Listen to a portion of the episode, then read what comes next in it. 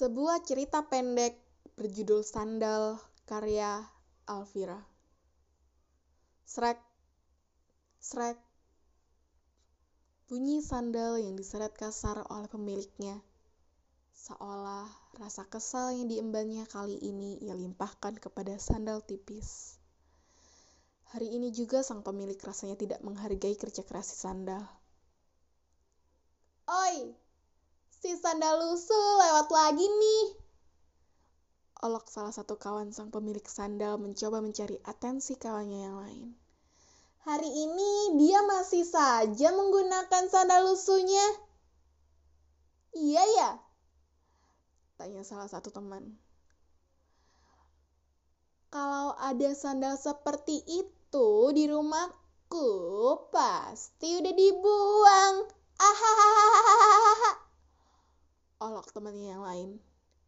Ya iya, buat apa juga dipakai lagi? Lusuh dan usang, gak mampu ya beli lagi ya? Kayak aku dong, sandal aku kalau diinjek, lampunya nyala. Ini kalau ada pemadaman listrik bergilir di kampung kita, bakalan berfungsi. Beda sama sandal tipismu itu. Yang lainnya tidak lagi menyahut, tapi tertawa bersamaan. Semakin riuh teman-temannya melemparkan olokan kepada sang pemilik sandal, hingga semua keriuhan itu mengantarkannya sampai ke rumah. Segera ketika ia melihat ayahnya duduk di selasar, ia memohon kepada sang ayah untuk membelikannya sandal baru dan layak pakai. Kenapa sih? Aku harus pakai sandal itu terus? Tanya sang pemilik sandal kesal masih menatap sandal yang lusuh itu sambil bersedekap. Lagi, begini lagi. Bukannya menjawab pertanyaan sang anak, ayahnya balik bertanya. Iya, habisnya ayah selalu gak mau beliin aku sandal baru. Eca kesel kali diledekin terus sama teman-teman Eca. Katanya sandal Eca pantasnya dibuang aja lah, lusuh dan usang lah. Sampai ditanya nggak mampu beli juga lah. Eca tuh kesel ayah. Kali ini ia mengerucutkan bibirnya, ia selipkan nada memohon agar ayahnya kali ini luluh. Oke, ayah tanya sama Eca, sandal ini masih bisa dipakai atau enggak? Iya, masih. Tapi kan ya temen Eca tuh kamu masih ingat enggak waktu kamu minta beli ini sandal di pasar malam tahun lalu? Yang kamu mohon-mohon ke ayah sambil nangis di depan penjualnya? Ih, mana pernah cak kayak gitu? Idi lupa anaknya. Yang abis itu kamu malah nangis-nangis sambil gulung-gulung di depan penjualnya. Ih, kalau ayah ingat kejadian itu ya, ayah tuh selalu mikir kamu yang kayak gitu tuh mirip ibu atau mirip ayah sih, heran. Ih, gak mau tahu ayah, mau ya cek kayak gitu lagi ya, mau ya, ancamnya. Ya ampun, masih aja ini ributin minta sandal baru. Tanya ibunya yang ikut duduk dekat ayahnya. Ya habisnya Sandal Eca cuma satu. Lusuh lagi. Eca malu tau bu. Kali ini ia memohon pada ibunya. Hmm, Eca, dulu ibu pesan apa waktu Eca udah dibeliin sandal baru?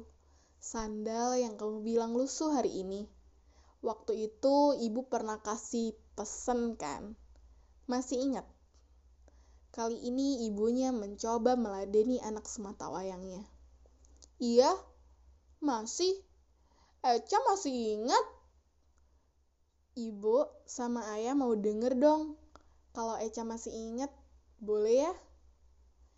Ibu pesen kan kalau Eca harus bisa jaga apa pun barang yang ayah sama ibu kasih. Dan nggak boleh sembarangan pakainya ujarnya semangat lalu menurunkan intonasi bicaranya. Merasa sadar dengan ucapannya. Jadi, apa selama ini Eca pakai sandalnya udah bener? Udah dijaga beneran?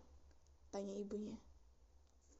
Tidak menjawab ibunya, ia memilih menggelengkan kepalanya lalu menunduk. Mengingat-ingat selama ini ia memperlakukan sandalnya dengan tidak baik. Kaki malasnya selalu saja menyeret-nyeret sandalnya. Kali ini sang pemilik sandal mengambil sandalnya yang sudah lusuh untuk dibersihkan. Mungkin kalau aku tidak dapat yang baru, aku bisa jadikan sandal lusuh ini menjadi baru, pikirnya. Keesokan harinya, sang pemilik sandal lusuh berjalan tetap menggunakan sandalnya. Teman-temannya masih saja riuh mengolok-olok sandal yang ia pakai. Tapi bedanya kali ini badannya ia tegakkan, kepalanya ia dongakkan, tidak lagi menunduk seperti biasa.